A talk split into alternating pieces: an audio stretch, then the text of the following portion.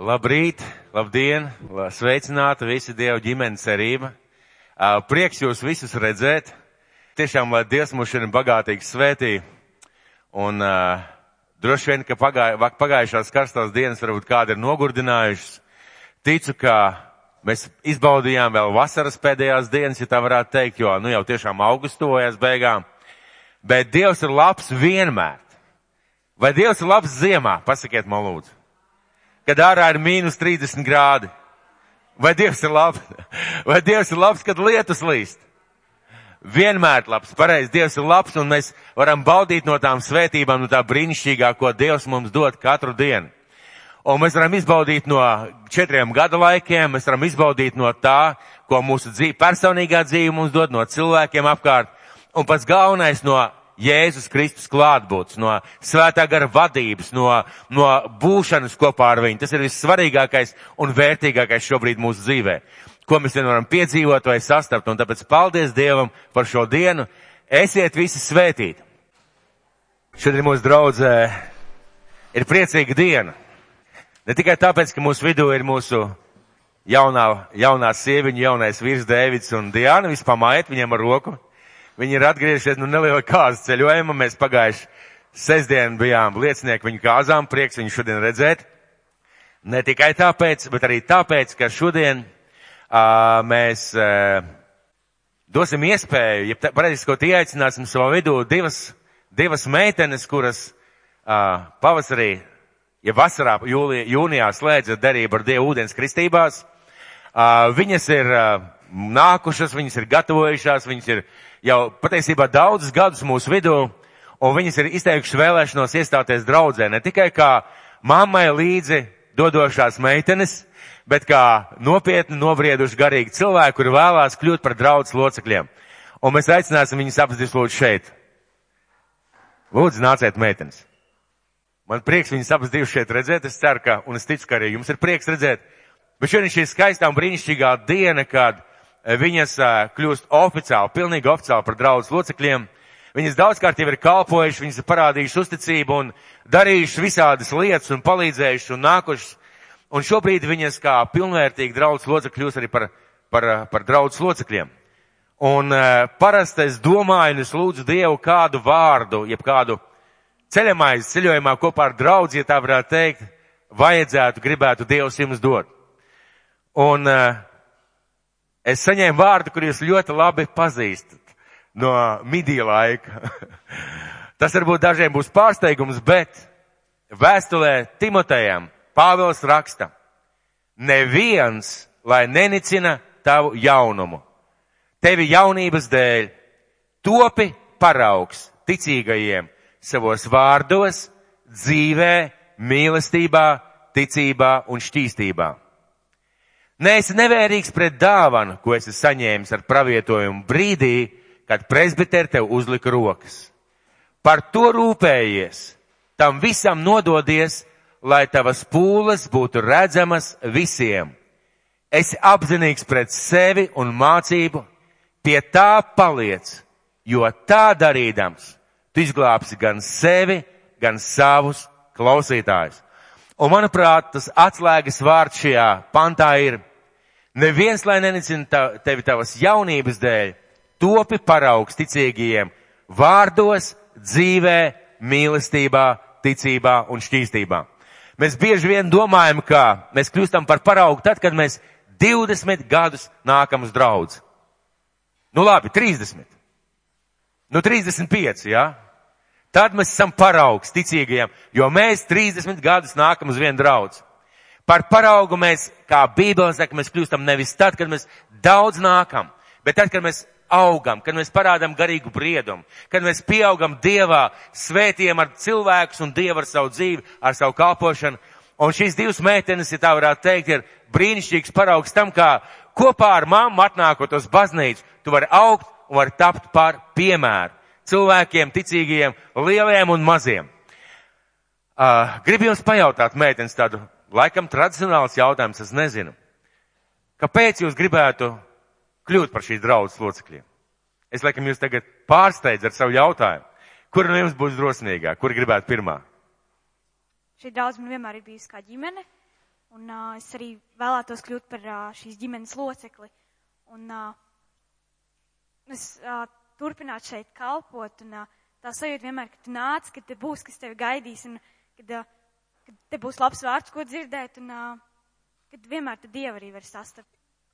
Jā, man šī draudz arī ir tā, kā tiešām ģimene. Un, es gribu iestāties draudzē, lai būtu pilnīgi visi šeit un varētu kalpot un no visas sirds. Un šobrīd, šobrīd ir vēl kāds cilvēks, par kur mums vajadzēs īpaši lūgt. Uh, pateikties varbūt Dievam par šo iepriekšējo laiku un uh, lūgt par, par nākošo ceļu šim cilvēkam. Un uh, tas būs arī zināmā mērā kā liecība, un tā būs līva. Lūdzu.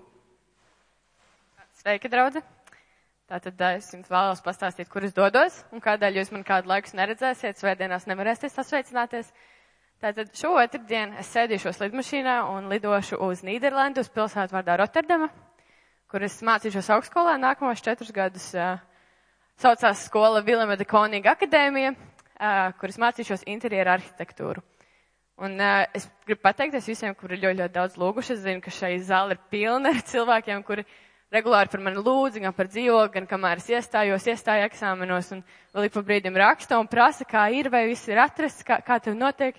Un es gribu pateikties visiem, kuri lūguši, un es aicināšu jūs turpināt lūgt, jo, nu, jūs ziniet, ka pārcelties uz citu vietu ir tā kā, tā, tu nezini, kas sagaida un tā, bet es ticu, ka Dievs visu kārtos, viņš jau līdz šim ir ļoti, ļoti kārtojis. Jā, un uh, tas arī tas, ko es gribēju pateikt, ka jūs man kādu laiku varbūt neredzēsiet, bet es noteikti atgriezīšos, jo šī ir, šīs ir manas mājas, es šeit esmu uzaugus. Un jā, tad jau kaut kad redzēsimies atkal. Jā, tātad daudz lūdzu par dzīvokli, lai es atrastu, jo tā ir tāda liela pilsēta, kur ļoti viegli nav atrast dzīvokli, tur diezgan viss ātri notiek, un tur studenti brauc, nāk, nu tā. Tātad es atradu pašlaik pagaidu variantu, kur es mēnesi īrēšu labā vietā pie labiem cilvēkiem mēnesi īrēšu šo dzīvokli, bet es centīšos atrast arī kaut ko jaunu, tā ka jūs varat turpināt lūgt, lai es atrastu kaut ko tādu, kur es varu reģistrēties, lai es varētu būt domē reģistrēt un varētu skolā visu uzrādīt dokumentus un tādas lietas. Bet pašlaik man ir kur dzīvot, tā ka viss kārtībā. Tas, protams, ir izaicinājums arī mums, jo šī skola maksā un mūsu ģimenei Tas ir tāds nopietnas izaicinājums, bet mēs esam darījuši visticībā jau no pirmās reizes vai pirmās dienas, ka Līva pagājušajā rudenī saprata, ka Dievs viņu tādā veidā virza. Mēs esam ticējuši, lūguši un pastāvējuši, un jāsaka tā, ka Dievs ir bijis uzticams. Mīļie, Dievs ir uzticams. Ejiet uz savu sapni, lūdziet par savu sapni, cīnieties par savu sapni, un jūs redzēsiet, kā jūsu sapnis realizēsies. Un uh, Līviņ, es tev gribētu dot ceļamaizi. nu, droši vien, ka tas nebūs konverts ar daudzām, daudzām naudiņām iekšā. Jā. Būtu jau jauki, pareizi. Uh, bet es tev gribētu dot tādu garīgu ceļa maizi. Un tas būs no 25. psalma, sākot ar 4. pantu. Savus ceļus, kungs, ierādi man, savas tekas man iemāci. Vadi mani savā patiesībā un māci mani, jo tu esi mans glābējs Dievs. Uz tevi es ceru augu dienu. Atceries savu žēlsirdību, kungs, un savu žēlstību, jo tā pastāv kopš mūžiem. Un svarīgais līmeņi, lai tu, lai tu tiešām ne tikai domātu, ko Dievs un kā Dievs tev ved, Bet lai tavā sirdī būtu šī te lūkšana un šis te, šī vēlēšanās savus ceļus, kungs, ierādi man. Tas nozīmē, ka būs miljoniem cilvēku apkārt, būs dažādas izvēles, dažādas lietas, ko tu varēsi darīt vai varēsi nedarīt. Un tev vajadzētu, lai tavā sirdī ir šī vēlēšana, kungs, bet kāds ir tavs ceļš? Ko tu gribi? Jo Dievs mums ir paredzējis to labāko. Savas tekas man iemāca. Un ir brīnišķīgi brīnišķīgi tādā veidā lūgt un brīnišķīgi tādā veidā gaidīt. Kāpēc? Jo Dievs saka, ja kam trūkst gudrības, lai prasa man, un es došu. Ja kas grib būt svētīts, lai meklē manus ceļus savā dzīvē. Un ļoti svarīgi saprast, ka Dievam katra, katra cilvēka dzīvē ir savs ceļš, savs gājums, savs aicinājums, savas lietas. Un varbūt tajā skolā un tavā kursā būs 30 vai 50 skolnieki, un varbūt kāds arī būs kristietis, bet mums katram ir jāsaprot, mums katram ir savs ceļš.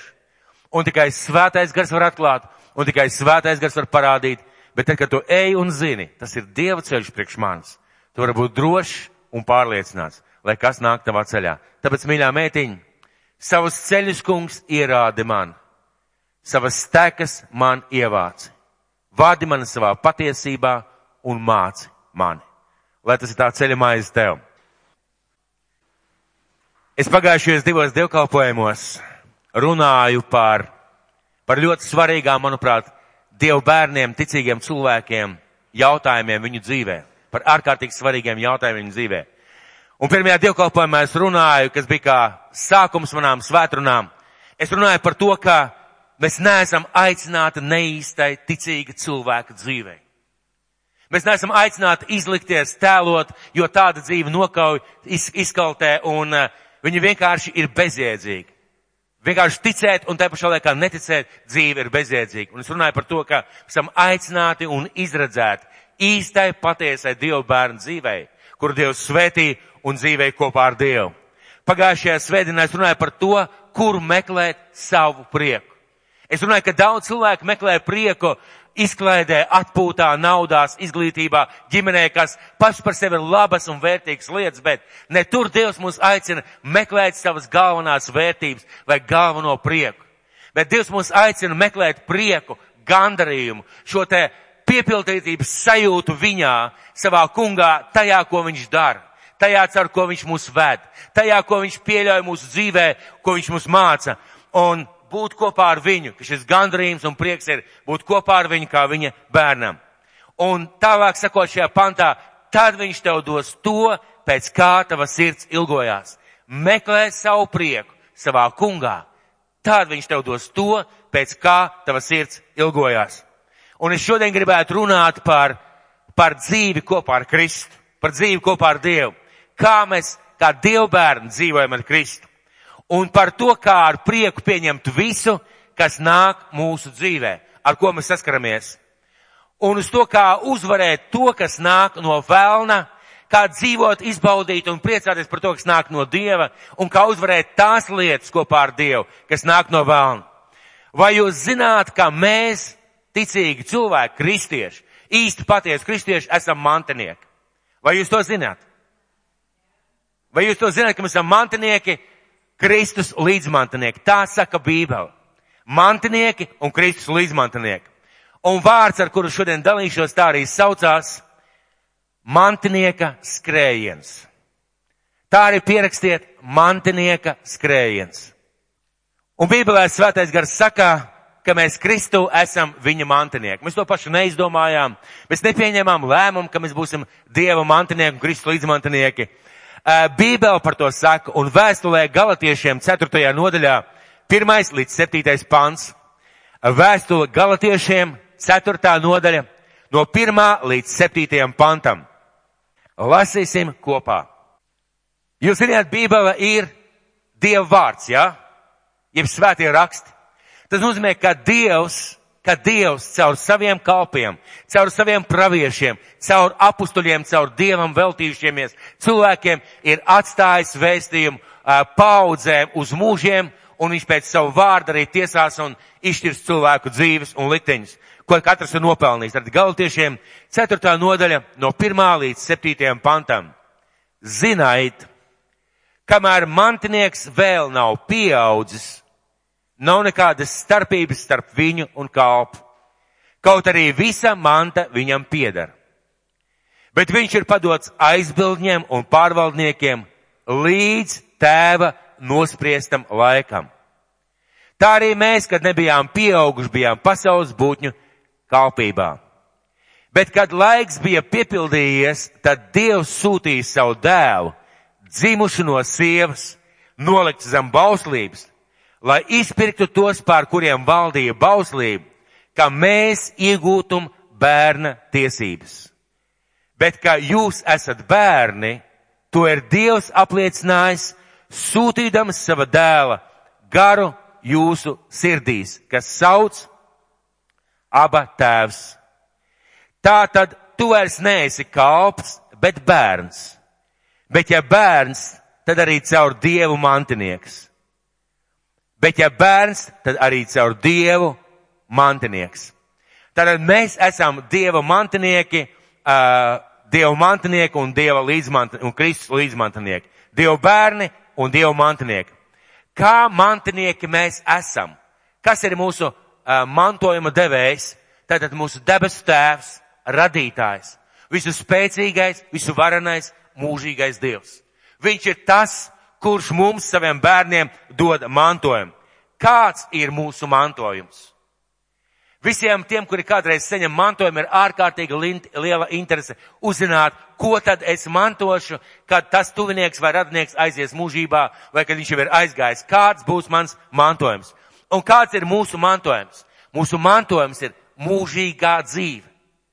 Un tā nav reliģiska frāze vai bībeliska frāze tikai, kad Jēzus runāja par to, ka tad, kad jūs aiziesiet no šīs zemes, ja vienkārši pienāks mirklis, kad jūs it kā atstājat šo tāpu un jūs ieliek zārkā un skaisti apglabā, jums nekas nebeidzās, ja jūs esat ar Kristu.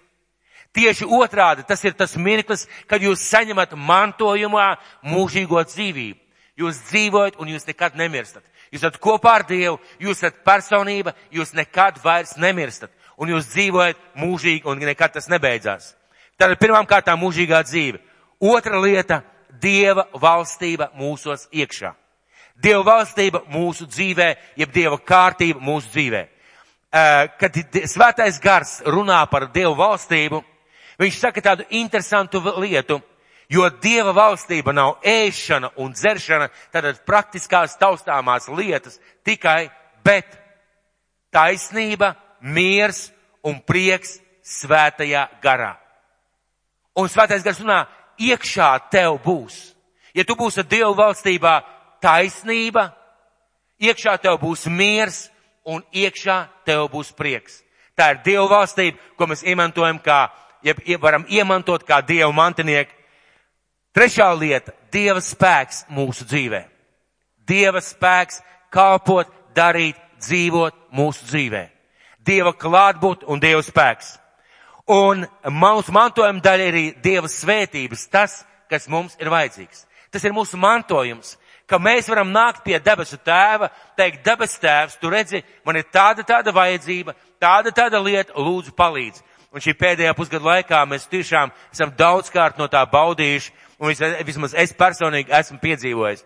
Ir bijuši neticams svētības, pēdējā mirklī atvērtas durvis, svētīt atvērtas durvis, ko varēja izdarīt tikai Dievs. Tātad, tā lielos vilcienos gribētu teikt, ir vairāk, bet četras lietas - mūžīgā dzīvība, Dieva valstība mūsos iekšā, miers, prieks un taisnība.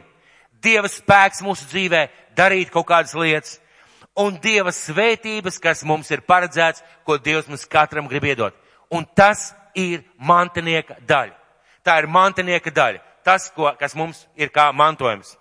Bet kas ir mantojums? Ko nozīmē mantojums?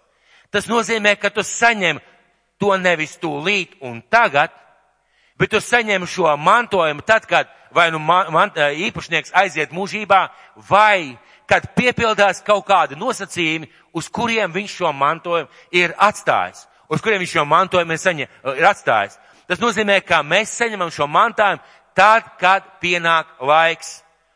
Un, protams, ja mēs esam mantinieki, mēs nedaudz no tā arī kaut ko tagad jau baudam. Kad mēs saņemam mantojumu, kad mēs atbilstam tām prasībām, kas pienākās, kuras jāuzrāda mantotājam, mantotājam. Ko tas nozīmē? Pirmām kārtām, tev jāaiziet ar savu pasu un jāpierāda, ka tu esi tuvs radinieks. Tu nevari tā vienkārši, ej, es viņu pazinu, es viņam dzīvoju kaimiņos, tāpēc man pienākās mantojums. Tā nekas nesanāks, kaut tu ļoti gribētu. Otrām kārtām, tev ir jāatbilst kaut kādiem kritērijiem tam, lai tu būtu šis te mantinieks, un mēs runājam par bagātiem cilvēkiem, vienkārši par bagātiem cilvēkiem šeit pasaulē. Un man liekas, ka Dievs diezgan līdzīgi darbojās arī garīgajā pasaulē. Kad bagāts cilvēks beidz savu aktīvo darbību, viņš uzrada bieži vien uzraksta testamentu vai, kad viņš gatavojas aiziet mūžībā vai domā par aiziet, viņš uzraksta testamentu. Un testamentā parasti ir kaut kādi punkti. Testamentā parasti kaut kāda punkta, kad mans dēls sasniegs tādu un tādu vecumu, kad viņa dzīve atbildēs tādiem un tādiem un tādiem standartiem, tad viņš varēs saņemt mantojumu.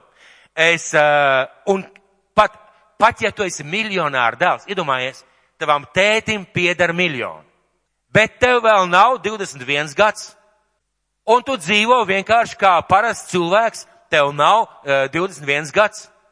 Vēl kāda lieta mantojuma reizēm e, cilvēks saņem tad, kad tētis vai šis bagātais cilvēks aiziet pensijā.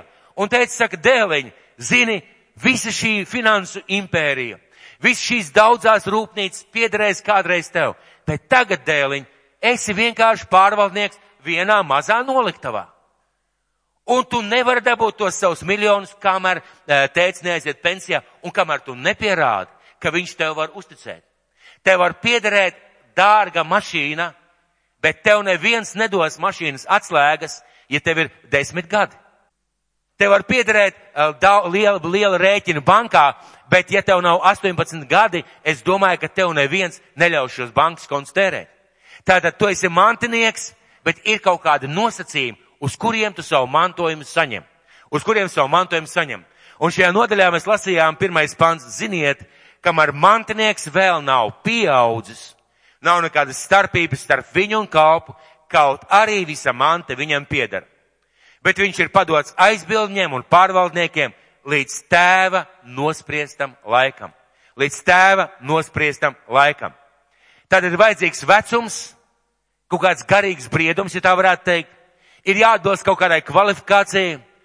Un tad, kad pārvaldnieki vairs nespēja pēc kaut kādiem noteikumiem valdīt pār mani, vadīt mani, manā vietā izlemt, tajā mirklī es varu saņemt mantojumu. Es jau teicu, kāds ir mūsu mantojums. Es dzirdēju par kādu ģimeni, kuriem pieder banku sistēma. Ja banka, kāda konkrēta banka Latvijā, nevis Latvijā, bet vispār pasaulē, arī Latvijā. Un vi, tas ir ģimenes uzņēmums, viņiem pieder šīs akcijas, bet ģimenes sanāk kopā, lai izlemtu, kuri būs tie pārvaldītāji no visiem ģimenes locekļiem. Kurš visvairāk atbilst kvalifikācijai, kuram atbilst izglītība, kurš spēj un varēs parūpēties par ģimenes finansēm par šo ģimenes finansu, teiksim, kapitālu, jeb impēriju, tā varētu teikt. Kāpēc šie cilvēki domā, ko viņi dara ar saviem līdzekļiem un ar mantojumu? Un tieši tāpat mūsu debes tēvs, kaut mēs esam Dieva bērni, Kaut mēs esam mantinieki, mēs tā uzreiz visu neiemantojam. Mēs tā uzreiz visu neiegūstam un mums netiek viss pasniegts kā uz paplāts. Kāpēc? Nedaudz redzēs, drusku vēlāk redzēsiet. Tātad, kas ir pārvaldnieki mūsu gadījumā? Ja tu, esi, ja tu neesi, teiksim, tātad mūsu garīgajā, garīgajā, teiksim, mantojumā, ko Dievs mums paredzējis, kas ir pārvaldnieki mūsu gadījumā? Lietas, uz kurām mēs klūpam lietas, kuras mēs nespējam izdarīt vai nemākam izdarīt vēl joprojām. Tās valda mūsu dzīvē.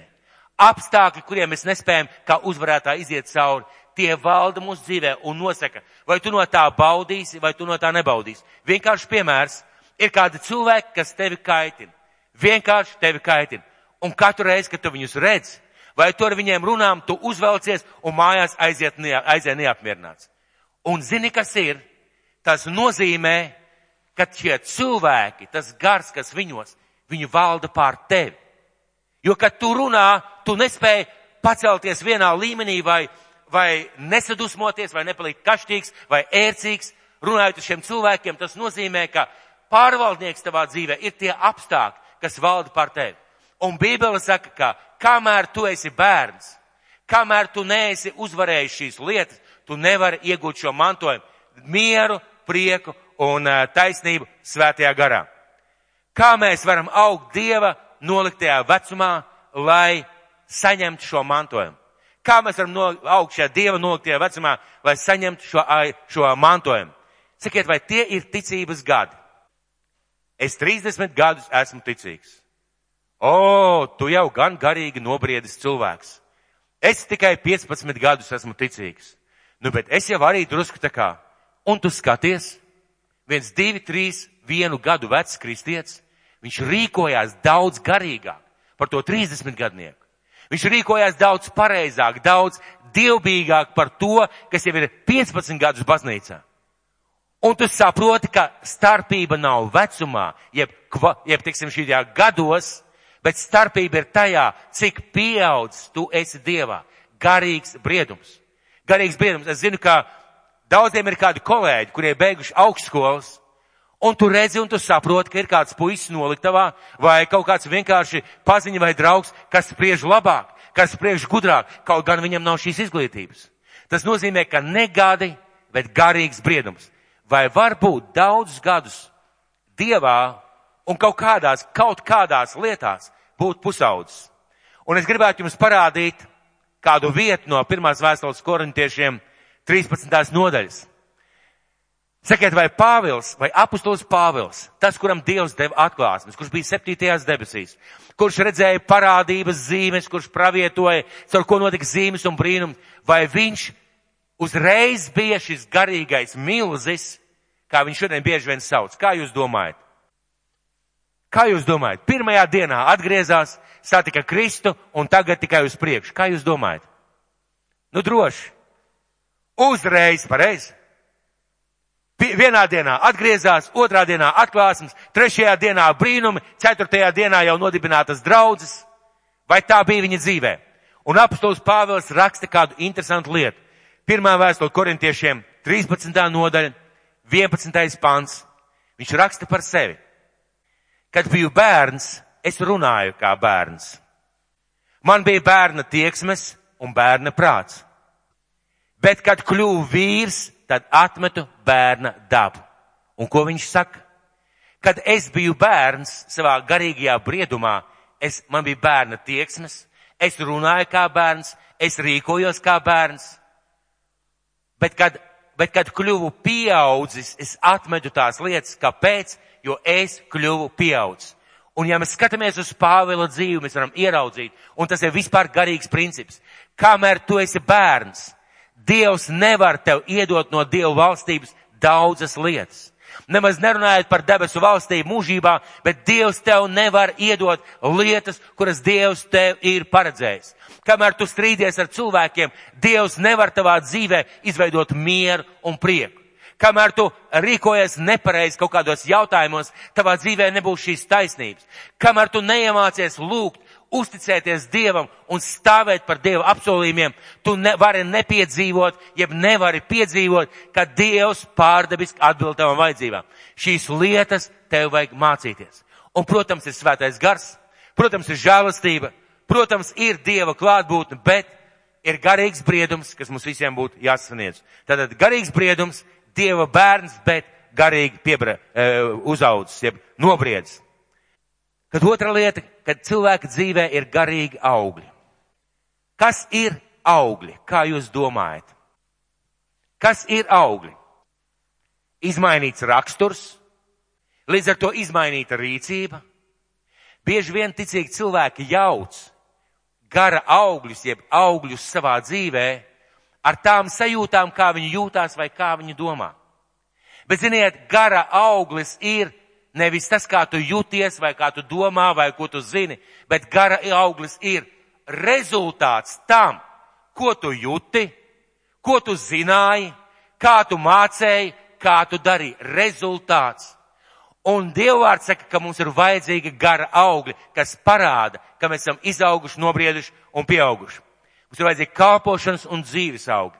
Daudzi cilvēki saka, debes tēvs, Es zinu, ka daudz cilvēku nelūdz par svaidījumu, nelūdz par spēku savā dzīvē, nelūdz par to, lai viņu dzīve iespaido citus cilvēkus, viņi samierinās ar drupatām zem galda. Ziniet, kā tas ir?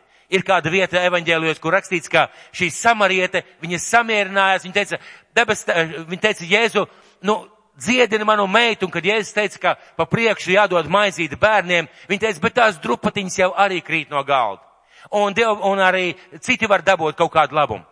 Un cilvēki samierinās ar drupatām zem galda. Viņi ir samierināti ar tām drupatiņām, kas krīt no Dieva galda. Bet Dievs saka, nesamierināties, bet meklēt Dieva spēku un augt savā dzīvē un savā kalpošanā. Bet kā mēs augam briedumā un kvalifikācijā, lai saņemtu mantojumu? Kā mēs augam briedumā un kvalifikācijā, lai saņemtu mantojumu? Man ir trīs varianti.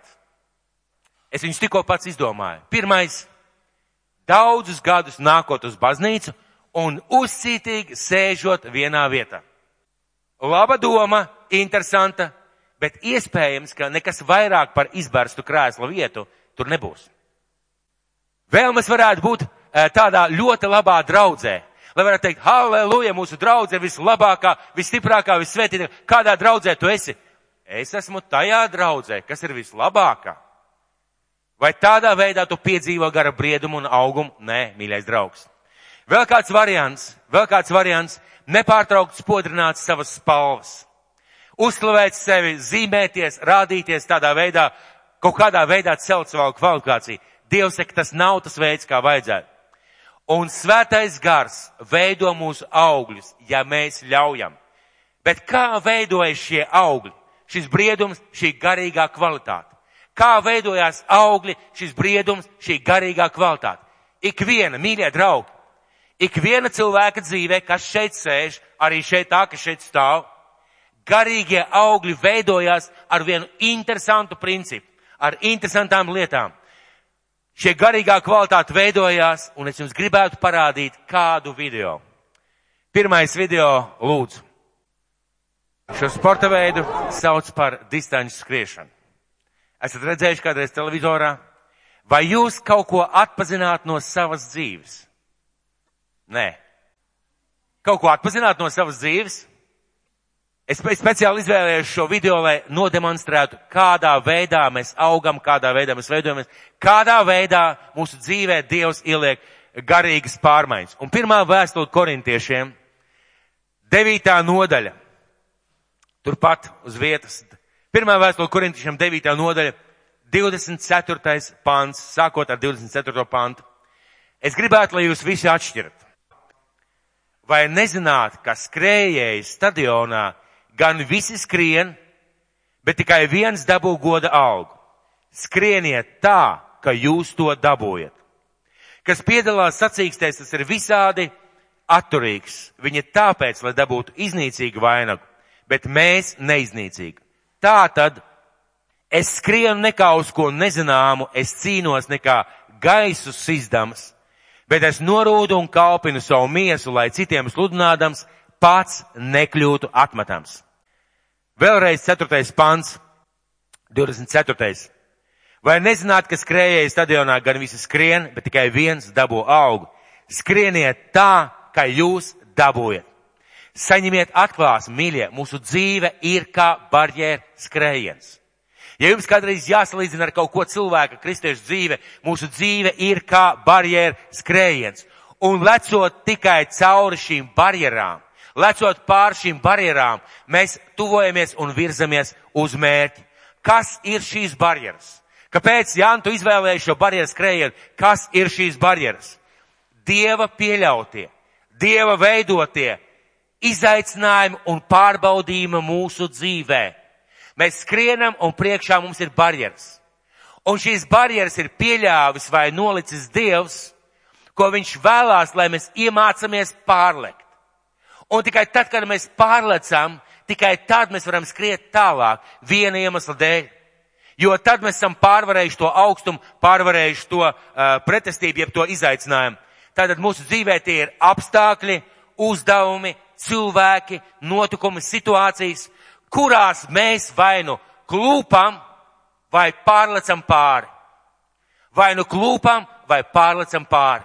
Un šīs barjeras ir atļāvis, pieļāvis, vai salicis Dievs, lai mēs trenētos, lai mēs augtu, lai mēs iemācītos šīs lietas, kā tikt pāri. Un katra barjera ir kāds izaicinājums. Un pats svarīgākais, kas ir svarīgi, visos vecumos vienādi dažādi izaicinājumi. Visos vecumos, visos garīgajos briedumos, dažādi izaicinājumi. Ļoti dažādi izaicinājumi. Kāds varētu teikt, nu tiem jaunajiem, tiem jau gan tās barjeras vajag, lai jau viņi tur dresē, lai jau viņi mācās un trenējas. Es jau tāds diezgan sirms, man jau ir 70, 80 gadi, ko tu nu man vairs barjeras, man jau tik uz debesīm. Mīļie, tajā vecumā tu vari būt vai nu par čīkstētāju, vai par svētītāju. Tajā vecumā tu vari būt par ziedotāju vai par neziedotāju. Tajā vecumā tu vari būt par atbalstu Dievam un Dieva draudzēji. Un tajā vecumā tu vari būt par bremzi Dievam un Dieva draudzēji. Vienmēr tā ir mūsu izvēle. Tāpēc šīs barjeras ir katram, katram cilvēkam, katrā vecumā, dažādās lietās. Kā mēs pārlecam šīs barjeras? Ir vairāki varianti, ko es gribētu jums piedāvāt. Varētu apskriet apkārt, pareizi? Tu tā, visi tādi muļķi drāžās pāri barjerām, lec, saspringst, bet tu tā vienkārši pa maliņu. Un kas ir interesanti, droši vien, ka pirmais tu nonāktu finišā. Pirmais nonāktu beigās, tikai nelaime tā, ka tavu rezultātu neieskaitīt un pateikt, piedodiet, jūs nekvalificējāties, jūs nepārliecāt nevienu barjeru. Jūs noskrējāt vienkārši pa maliņu. Varētu, varētu darīt tādu gājienu. Un ja barjera ir kāda pretestība mūsu dzīvē, kāds šķērslis vai kāds izaicinājums, tad varētu skriet, censties skriet garām šiem izaicinājumiem. Varētu šīm barjerām līst pārpakšu, kā jūs domājat? Diezgan laba metode. Tā ieskrienies, izšļūts pa apakšu, skrien tālāk, atkal izšļūts pa apakšu, un tev no pat zināmā mērā jāsasprindzinās. Tādā veidā nekādu finišu jūs nesasniegt. Droši vien tikai sasistos un eh, visi smietos, piedzīvot kaunu un pats galvenais. Pie mērķa jūs nonākat pats pēdējais varētu skriet un lekt apgāžot. Un, protams, sportistiem tas gadās, un mums gadās apgāzt šīs barjeras. Mums gadās sastriedēties, sakašķēties, kļūdīties. Es zinu, ka man pašam un cilvēkiem reizēm ej kādā situācijā, tu pat zini, ko vajadzētu darīt, tu rīkojies nedaudz savādāk. Rezultātā tev nav rezultātu, tu esi aizķēris barjeru un kaut kādā veidā uh, nokavējis. Varētu tādā gadījumā teikt tā, es tad vispār neskrienu. Es vispār neskrienu, ko tad es vispār daru? Otru video lūdzu. Redziet, tad, kad mēs savā dzīvē klūpam un krītam pie kādas barjeras, svarīgi ir, ko mēs darām tālāk. Vai mēs turpinam skriet, vai mēs padodamies un nolaižam rokas. Šis vīrs, viņš ir malacis. Viņš nepadevās, viņš noskrēja, jo tās bija olimpiskās spēles, viņš nospēlēja līdz galam. Viņš varēja pateikt, es noskrēju olimpisko distanci. Viņam tālāk uzgavēja pūles. Un ļoti svarīgi ir zināt un saprast, ka blakus mums lecot pār šīm barjerām ir svētais gars. Svētais gars, viņš māca mums, kā lēkt. Mums ir Dieva vārds, kurš māca mums tikt pāri šīm lietām, šīm situācijām, šīm barjerām. Mums ir Dieva vārds, kas mums palīdz. Mums ir garīgi vadītāji, mums ir kristieši līdzās, kas palīdz tikt pāri šīm barjerām un šīm grūtajām situācijām, kurām mēs sastopamies. Mums ir kas palīdz. Svētais gars ir blakus.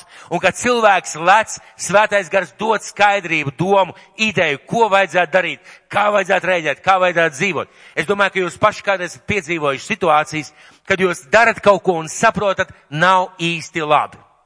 Nu, nav vienkārši labi, pareizi. Ko jūs tajā mirklī darījāt? Ja, piemēram, jūs runājat par kādu cilvēku, zināmā mērā aprunājat kādu cilvēku, un mācītāja ir populārākā tēma draudzēs. Mācītāji un kalpotāji populārākā tēma draudzēs. Parunāsim, cik mācītājs ir slikts, kā viņš kļūdās, kas viņam nesanāk, parasti labo neredz. Un tajā mirklī, kad kāds runā par šīm lietām, vai tu pateici, izbeigsim, vai tu aiztaisīji savus lūpas sapratis, ka tas nav pareizi? Vai tajā mirklī, vai tajā mirklī, kad tu, piemēram, izdarīji kādu nepareizu lietu, nepareizi izturējies, nepareizi rīkojies, vai tajā mirklī, kad svētais gars tev deva kaut kādu impulsu, tā nedari, vai tu apstājies to darīt? Jo redzi, kas ir par lietu, ja tajā mirklī tu apstājies to darīt, tu mācies tikt pāri šim šķērslim. Tu mācies pārliekt pāri un iet tālāk kā uzvarētājs. Ja tu nepaļak, nepaklausi svēto garu, ja turpini tādā veidā darīt, tu paklūpi, tu nokavē, un kas ir svarīgi, tu nespēji skriet, bieži vien nespēji skriet tālāk. Un jāsaprot, ka mēs varam, ka mēs varam tikt pāri visām barjerām un šķēršļiem, visiem izaicinājumiem mūsu dzīvē tikai Dieva veidā. Mīļie draugi, tikai Dieva veidā. Nedievišķs, nedievišķas metodas nevar atnest Dieva rezultātu. Tu gribi būt svētīts, tu gribi būt bagāts, tu gribi būt, lai tev pietiek dienišķās maizes, tev, tu gribi dažādas lietas, lai tavā dzīvē, kas tev ir vajadzīgs. Bet ja tu neziedot Dievam desmito tiesu, ja tu neziedot Dieva darbam, ja tu neatbalsti cilvēku, kam ir vajadzības, kāpēc tu domā, ka Dievam ir pienākums rūpēties par tavu ģimeni? Kāpēc tu domā, ka Dievam pienākums svētīt tajā mirklī, ka tev ir ļoti vajadzība, ja tu pats norūpējies par citiem? Kāpēc tu domā? Ko tas nozīmē? Tas nozīmē, ka mūsu dzīve ir kā barjeras skrējiens. Un šajā mūsu skrējienā, katram noliktajā distancē, mums ir kādi šķēršļi, kurus noliek Dievs, lai mēs iemācītos pārlikt. Lai iemācītos pārlikt. Un vai nu mēs to izdarām Dieva veidā, vai nespējam un nevaram izdarīt nekād īsti pareizā veidā. Tātad nedievišķs rezultāts, nedievišķs metods neatnesīs dievišķu rezultātu. Un mēs varam noraidīt, mēs varam paklausīt vai neklausīt, un savā veidā mēģināt darīt, kā mēs gribam. Ja mēs nepārlecam, kas ir ļoti interesanti, ko esmu pamanījis, ja mēs neiemācamies pārliekt kādai lietai pāri, tik kādai lietai pāri, mēs nepārtraukt atgriežamies tajos pašos apstākļos. Vai jūs nepārsteidz, ka ir cilvēki, kuriem neiet vienā draudzē, neiet otrā draudzē, neiet trešā draudzē, neiet ceturtā draudzē? Vai jums nav, neliekās interesanti, ka reizēm ticīgi cilvēki, kuriem uh, vienā vietā priekšnieks ir nav labs, otrā vietā priekšnieks nav labs, trešā vietā, ceturtā, nepārtraukt viņa dzīvē atnāk kādu cilvēku, kas viņu skaitina, kas neļauj viņam dzīvot, kas neliek viņam mieru, kas nespēja, ka viņi nespēja dzīvot pēc Dieva principiem. Kāpēc? Jo ja tu nepārlēci šo barjeru, ja tu neiemācies tikt pāri šai problēmai, Dievs liks atkal un atkal un atkal tavā dzīvē šo šķērsli, lai tu iemācītos tikt pāri. Un tad, kad tu iemācies, tu jau vari skriet brīvi un droši un pārliecināt, jo tas vairs tevi nesasien. Kāpēc es par to runāju? Jo šīs problēmas, kurām mēs netiekam pāri, vai lietas, kuras mēs nespējam atrisināt, viņas ir šie pārvaldnieki, kas pārvalda mūsu mantojumu, kas neļauj mums iegūt to, ko mēs varētu iegūt, jeb uz ko esam aicināti iegūt kopā ar Dievu. Un tā mēs ejam par riņķi, par riņķi, par riņķi kamēr neietmācamies pārliekt. Ja tu netiec kādai lietai pāri, uzdod sev jautājumu, kas tev atturēja no pārliekšanas. Ja tu netiec ar kādu problēmu garā, uzdod sev jautājumu, kas tev atturēja, jeb kur bija tā kļūda, ka tev neizdevās uzvarēt šo lietu un neizdevās šajā sfērā vai šajā lietā garīgi augt. Tev ir jāsaprot, ka tas ir kāds pārvaldnieks. Tas var būt grēks, tas var būt bailes, tas var būt raksturs tavs, paradumi, uzskati, apstākļi, kas valda pār mums, un vēl, un vēl, un vēl. Ir cilvēki, kas saka, man nekad nav, man nav laika kalpot, jo man ir ģimene, man ir bērni, man ir finansiāls problēmas un vēl kaut kāds, un tu nekad nesāksi kalpot. Kamēr vienu dienu tu neapstāsies, nepieliks punktu un pateiks viss. No šīs dienas es sāku kaut ko mainīt un domāt, kā mainīt. Un tu redzēsi ļoti interesantu lietu. Pēc laika tev būs viegli kalpot. Tu izjūtīsi prieku un gandarību. Kāpēc? Tu būsi uzvarējis šo problēmu, viņi vairs nevaldīs pār tevi. Ir cilvēki, kuri mūžīgi kavē. Ir jāiemācās sākt celties laicīgi, iet laicīgi, ieplānot laicīgi. Ir cilvēki, kuru dzīvēs ir nepārtraukts hauss. Un kas ir, kas ir interesanti, ja cilvēka dzīvē nepārtraukts hauss, tu sāc runāt ar viņu par šīm lietām, viņš paliek uz tevi dusmīgs. Jo es vienkārši esmu tāds cilvēks. Es nevaru ar to tikt galā, es vienkārši esmu tāds cilvēks. Patiesībā Dievs māca tev tikt pāri tai lietai, kas valda pār tavu dzīvi un par to, ko Dievs tev ir paredzējis. Kā pārliekt, ja tu esi izgāzies, apsēdies un uzzini pamācību? Kā pārliekt, ja tu esi izgāzies, apsēdies un uzzini, kā vajadzēja lēkt? Dieva vārds un svētais gars tev to atklās. Vai jums kādreiz ir gadījies nopirkt jaunu telefonu? Un jauni telefoni ir ļoti kaitinoši. Jauniem cilvēkiem, es saprotu, viņi jau dzimuši ar telefonu kabatā. Manai paudzē un varbūt drusku jaunākai jauni telefoni ļoti kaitinoši. Ziniet, kāpēc? Jo viņi nav tādi kā iepriekšējo. Iepriekšējā viss bija tik forši, viss bija tik labi. Šitas tik kaitinoši un tu kaitinies par savu telefonu. Tu nevari piezvanīt, tu nevari nofotografēt, tu normāli nevari aizsūtīt īziņu. Kas tas vispār ir par telefonu? Iemesls ir viens - apsēdies, iemācies, un tu baudīsi no šī telefona svētībām. Es nesen zvanīju kādai māsai, viņa ir pilnīgā šokā, izmisumā, dusmās, kas izdomāja šos te bankas kalkulators. Kāds izdomāja tos kodus, ko sūtīt? Kām tas viss bija vajadzīgs? Man iepriekš bija tik labi. Kāpēc tas vajadzīgs? Pilnīgā šokā. Vienīgā atbilde, ko es viņam varēju teikt, mīļā māsa, apsēžaties, aiziet uz banku, izrunājiet lims, izstāsta, pastāsta, lai sakārto visu, lai parāda, izmēģiniet vienreiz, otrreiz, trešoreiz. Satieku dievkalpojumā. Māsa smaida. Vai izstāstīja man, izmēģināja, saprat, vai cik viegli. Un viņa bija cepusies nevienu vienu dienu. Vēl kāda lieta, ko es gribētu vienkārši kā piemēru. Sakiet, cik no jums apmeklē lielveikalos to, to samaksāšanas kasīti, kur jāmaksā ar uh, karti vai ar naudu, bet kur pašam ir jāskanē. Uh, kuram, kuram tas no sākuma likās ļoti vienkārši? Dažiem cilvēkiem, dažiem nē. Kā jūs domājat, kāpēc cilvēks stāv pie kasēm garās rindās un tā vieta parasti tukša? Slinki, neuzdrošina, un varētu teikt, viņiem patīk stāvēt rindās. Lai Dievs jūs svētī, mīļā, jums patīk stāvēt rindās. Iemesls viens. Cilvēki nezin, nemāk un baidās. Un labu laiku ar mani bija ļoti līdzīgi. Es jums neuzdot tādu jautājumu, es nebūtu tam ticis pāri. Vienreiz es vienkārši saņēmos, ka, sapratu, ka es būšu varbūt nekaunīgs, aizkavējuši cilvēks. Aizgāju un sāku to darīt vienreiz, otrais, vēl kādreiz. Tagad man nav problēma. Pirms tam mēnešiem es skatījos un domāju, ak, šausmas. Es labāk stāvēšu rindā. Es noteikti tur kaut ko sajaukšu. Noteikti tur kaut kas nesanāk. Noteikti būs jāsauc konsultants. Visi uz mani skatīsies. Es piedzīvošu kaunu. Viss teiks, re, šis lielais vīrietis, viņš nemāk pat lietot visu vajadzīgās lietas. Es vienkārši tiku tam pāri. Un tagad man nav šķēršļi. Kāpēc es pastāstīšu šos piemērus? Jo daudzas lietas mūsu dzīvē ir tieši tādas.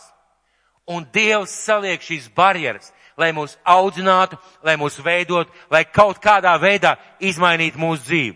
Lielveikalam Un ko dara Dievs caur šīm barjerām? Ko dara Dievs caur šīm barjerām? Mūsu vidū ir kāda mehāniķa, jā, kāda mehāniķa, arī kāda galvenieka. Dievs mūs caur šīm barjerām ēvelē, slīpē, nobružā, novīlē, sametina, aizmetina, pielāpa, lai mēs būtu labāki. Un tikai iemācoties lekt cauri šīm lietām, jau lekt pār tām lietām, kas mūs kavē kā šie pārvaldnieki, mēs garīgi augam. Mēs garīgi pieaugam, lai iet uz vīra briedumu. Kāpēc? Lai saņemtu mantojumu. Kāpēc? Lai saņemtu mantojumu. Mīļie, ko es gribētu šodien pateikt?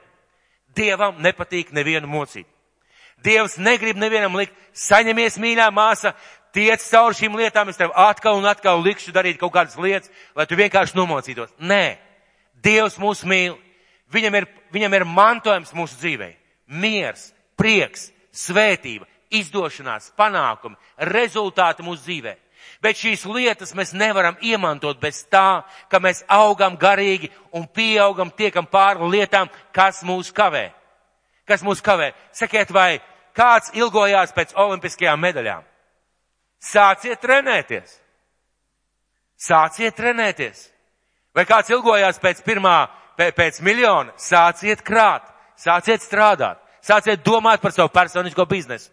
Un šīs lietas parasti prasa rūpes, piepūles, bet ja Dievs ir tavā dzīvē ieplānojis šīs svētības, es teicu, četras lietas - mūžīgā dzīvība, mūžīgā dzīvība, iekšējs miers, iekšējs miers, spēks, Dieva spēks tavā dzīvē, tikt pāri lietām un svētības tavai dzīvei, tad Dievs noliks šīs barjeras, lai tu mācītos pārlikt, lai tu pieaugtu garīgi, lai tu kļūtu stiprāks, drošāks un pārliecinātāks. Un tagad, kad jūs sastopaties ar kādu vajadzību vai ar kādu problēmu, skatieties, ko Dievs dara un kādā veidā jums jāiemācās rīkoties vai reaģēt. Rezultātā jūs augat, jūs paliekat stiprāki, gudrāki un varošāki.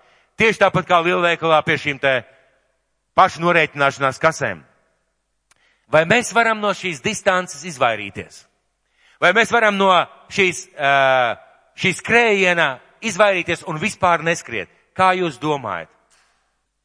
Vai mēs varam no šīs distances izvairīties un vispār neskriet? Man ļoti patīk tie cilvēki, kas saka, man patīk sports.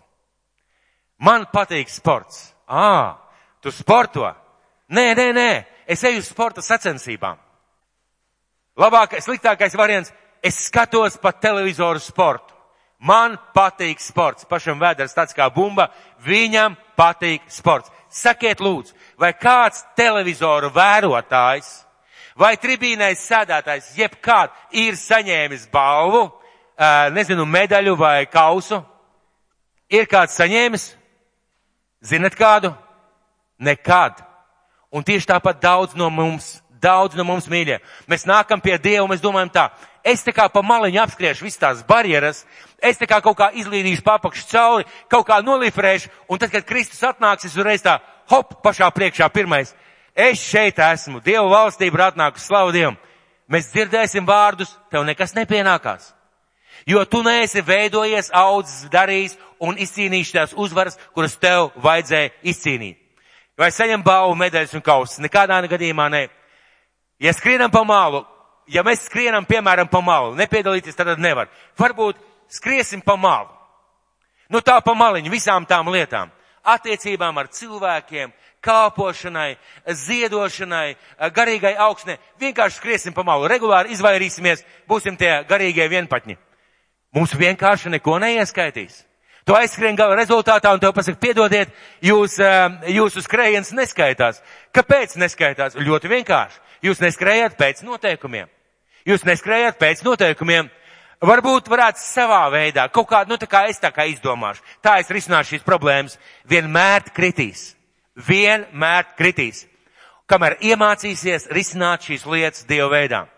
Mūsu mīļā ir nolikta māceklība visas dzīves garumā. Visas dzīves garumā. Uh, un man ir jautājums. Man ir jautājums. Katram no mums ir savas barjeras. Vai tu šodien varētu identificēt vienu lietu, kurai tu joprojām netiec pāri? Nu, katreiz, kā satiec, satiecis tādu lietu tā, uz deguna, tā gar zemi. Vai jūs varat identificēt kādu lietu? Ko? Ir kādas lietas? Es saprotu, ka lielākā daļai nav, visi ir čempioni, visi ir visu pārlēkuši, visi ir visu sasnieguši, lielākā daļa nav nekāda problēma. Bet, mīļie, tā ir taisnība. Ir šīs lietas, kuras mums ir vajadzīgas. Uh, ja mēs skrienam šīm lietām pāri savā veidā, mēs vienmēr kritīsim kā tajā pirmajā skrējienā. Un va, mums nav iespējas izvairīties. Kāpēc? Jo šāds skrējiens ir mūsu dzīve. Šis skrējiens ir mūsu dzīve kopā ar Dievu. Kas ir interesanti, pat neticīgi cilvēki arī skrien. Viņi arī skrien savu dzīvi, tikai nelaimi viņiem tā, ka viņi nezina, uz ko viņi skrien. Galā viņus negaida nekāds pozitīvais rezultāts, nekāds Kristus, galā viņus negaida. Viņus galā, galā gaida pazušana. Viņi cenšas tikt pāri visām lietām, risināt, darīt, reizēm lietojot Dievu principus, paldies Dievam. Un ļoti bieži krītot, kāpēc Dieva kāpēc neticīgi cilvēki ģimeni šķirās un ticīgi cilvēki ģimeni šķirās? Ziniet, kāpēc? Cilvēki nav iemācījušies tikt pār šīm lietām Dieva veidā. Cilvēki vienkārši aiziet, atstāja, pamet un, un, un viss. Kāpēc cilvēki nemainās savā raksturā, jo viņi aiziet labāk pamet savu vietu, pamet savu draugu, pamet savu ģimeni, pamet savu atbildību, nevis taisnu otrādi, iemācās uzvarēt tās problēmas, kas ir viņa dzīvē, tajā vietā, kur viņš ir. Tā ir mūsu dzīve, uz to mēs esam aicināti pilna ar izaicinājumiem, pilna ar dažām lietām. Un, mīļie, mēs esam daudzkārt jau runājuši. Mūsu dzīvē ir septiņas sfēras. Mūsu dzīvē ir septiņas sfēras. Ģimene, attiecības ar Dievu, finanses, veselība, kalpošana, darbs. Un šajās sfērās mums katram ir savas barjeras. Katram savas barjeras, kurās mums jātiek pāri, un katras barjeras, kurās mums jāiemācās skriet. Kāpēc mēs skrienam? Vēlreiz atsvaidzināsim atmiņā. Kāpēc mēs skrienam šajā skrējienā? Dievs mūs ir sūtījis šajā skrējienā, un mēs skrienam, lai saņemtu mantojumu. Mēs skrienam, lai saņemtu mantojumu. Mūžīgo dzīvi un mantojumu šeit uz zemes. Tātad mūžīgo dzīvi un mantojumu šeit uz zemes. Kā novēlējumu, kā apstiprinājumu tam, uz ko es mudināju, es gribētu izlasīt vēstulē ebrejiem 12. nodaļa, 1. pantu. Vēstule ebrejiem 12. nodaļa, 1. pants. 1. pants. Tādēļ mēs, kam visapkārt ir liels pulks liecinieku, nolikuši visas nastas un grēku, kas velkas mums līdzi, apņēmības pilni skriesim sacīkstēs, kas mums noliktas Uzlūkosim mūsu ticības aizsācēju un piepildītāju Jēzu, kas viņam sagaidāmā prieka dēļ par kaunu nebēdādams ir pacietis krustu un nosēdies Dieva tronim pa labai rokai. Allaž domājiet par viņu, kas tik daudz naidīgumu izciets no grēciniekiem, lai jūs nenovārtu savās dvēselēs un nekļūtu nespēcīgi. Šeit arī apstājamies. Tad pirmais, otrais, trešais. Un šajā pirmajā pantā tādēļ mēs, kas apkārt liels pūks liecinieku, nolikuši visas nastas un grēku, kas vāks mums līdzi, apņēmības pilni, skriesim sacīkstēs, kas mums nolikts. Un otrais pants runā par mantojumu. Uzlūkosim mūsu ticības aizsācēju un piepildītāju Jēzu, kas viņam sagatavotā prieka dēļ par kaunu nebēdādams ir pacietis krustu un nosēdies Dieva tronī pa labai rokai. Un šajā vietā Dieva vārds saka, paskatieties uz Jēzu. Viņš bija tādā pašā skrējienā. Viņš bija tādā pašā skrējienā un viņš iemantoja balvu, viņš ieguva šo kausu, viņš ieguva šo medaļu. Un skatieties to un saprotiet, kāpēc viņš skrēja. Jo viņš apsolītā prieka dēļ skrēja, lai saņemtu mantojumu. Un mēs ar jums mīļie skrienam tāpēc, lai saņemtu mantojumu. Un pašās beigās, kad tu jau esi uzvarējis, nezinu, 73 barjeras, katru dienu pa piecām, tu saņem šitādu balvu. Tu saņem šādu kausu un tu vari priecāties. Un šis kaus ir izmainīts raksturs, svētības tavā dzīvē. Tas, ko Dievs ir apsolījis, un pats galvenais skaidra pārliecība par debesu valstību tavā dzīvē. Mēs sākam skriet un mēs skrienam. Mums priekšā ir barjeras. Šīs barjeras ir izaicinājumi mūsu dzīvē. Un Dievs saka, tu vari, tu spēj, es tev došu palīdzību, lec, mācies un skrien uz priekšu. Gala rezultātā tev gaida kaut kas tāds. Un kaut kas tāds ir mūžīgā dzīvība. Bet arī šeit uz zemes, esot, vienkārši esot, kā es pagājušajā svētdienā sludināju, priecāsimies par ieskrēju skriet šajās sacīkstēs. Vienkārši meklēsim savu prieku savā Dievā. Lai Dievs jūs svētī. Lai Dievs jūs svētī un gribu jūs aicināt, paskatieties uz tiem izaicinājumiem jūsu dzīvē. Nevis kā uz nepārvaramu problēmu, nevis kā uz lāstu, nevis kā uz kaut ko tādu, ar ko tu netiksi galā, bet kā uz lietu, ko Dievs pieļauj, lai tu augtu. Lai Dievs jūs svētī. Es gribētu kopā ar jums lūgt Dievu. Lai Dievs mums palīdz iemācīties, iemācīties lekt pār šīm lietām. Mūsu debes tēvs, mēs šodien stāvam, kungs, tavā priekšā, un mēs tev pateicamies, Jēzu, par tavu vārdu. Kungs, paldies, ka tu no iekšienes atklāji šo debesu valstības dzīvi un domāšanu. Tēvs, mēs tev pateicamies, ka tu katram, tēvs katram noliec savas īpašas barjeras, savus īpašus izaicinājumus, savas īpašās lietas, tādas lietas, ko mēs varam pārliekt kopā ar tevi. Debes tēvs, Jēzus Kristus vārdā. Es lūdzu, kungs, svētīgi vienu cilvēku, kas ir šajā vietā, lai atnāk garīgas izmaiņas, lai atnāk debes tēvs uzvara kādās lietās, lai atnāk spēja pārliekt pāri, lai atnāk gudrība, un spēks to izdarīt tavā veidā. Un mīļais svētais gars, tu ved mūs pa šo distanci un mērķis jau tuvojās. Kungs, paldies, ka mēs augam, paldies, ka mēs veidojamies, paldies, ka mēs mācamies tavā skolā svētais gars. Un paldies tev, debes tēvs, ka priekšā mūs gaida lieliska uzvara. Tēvs priekšā gaida lieliska balva, tava klātbūtne, mūžīgā dzīvība, svētības šeit uz zemes un lietas tēvs, ko mēs piedzīvojam kopā ar tevi. Kungs, svētīgi vien šajā vietā. Jēzus Kristus vārdā. Amen.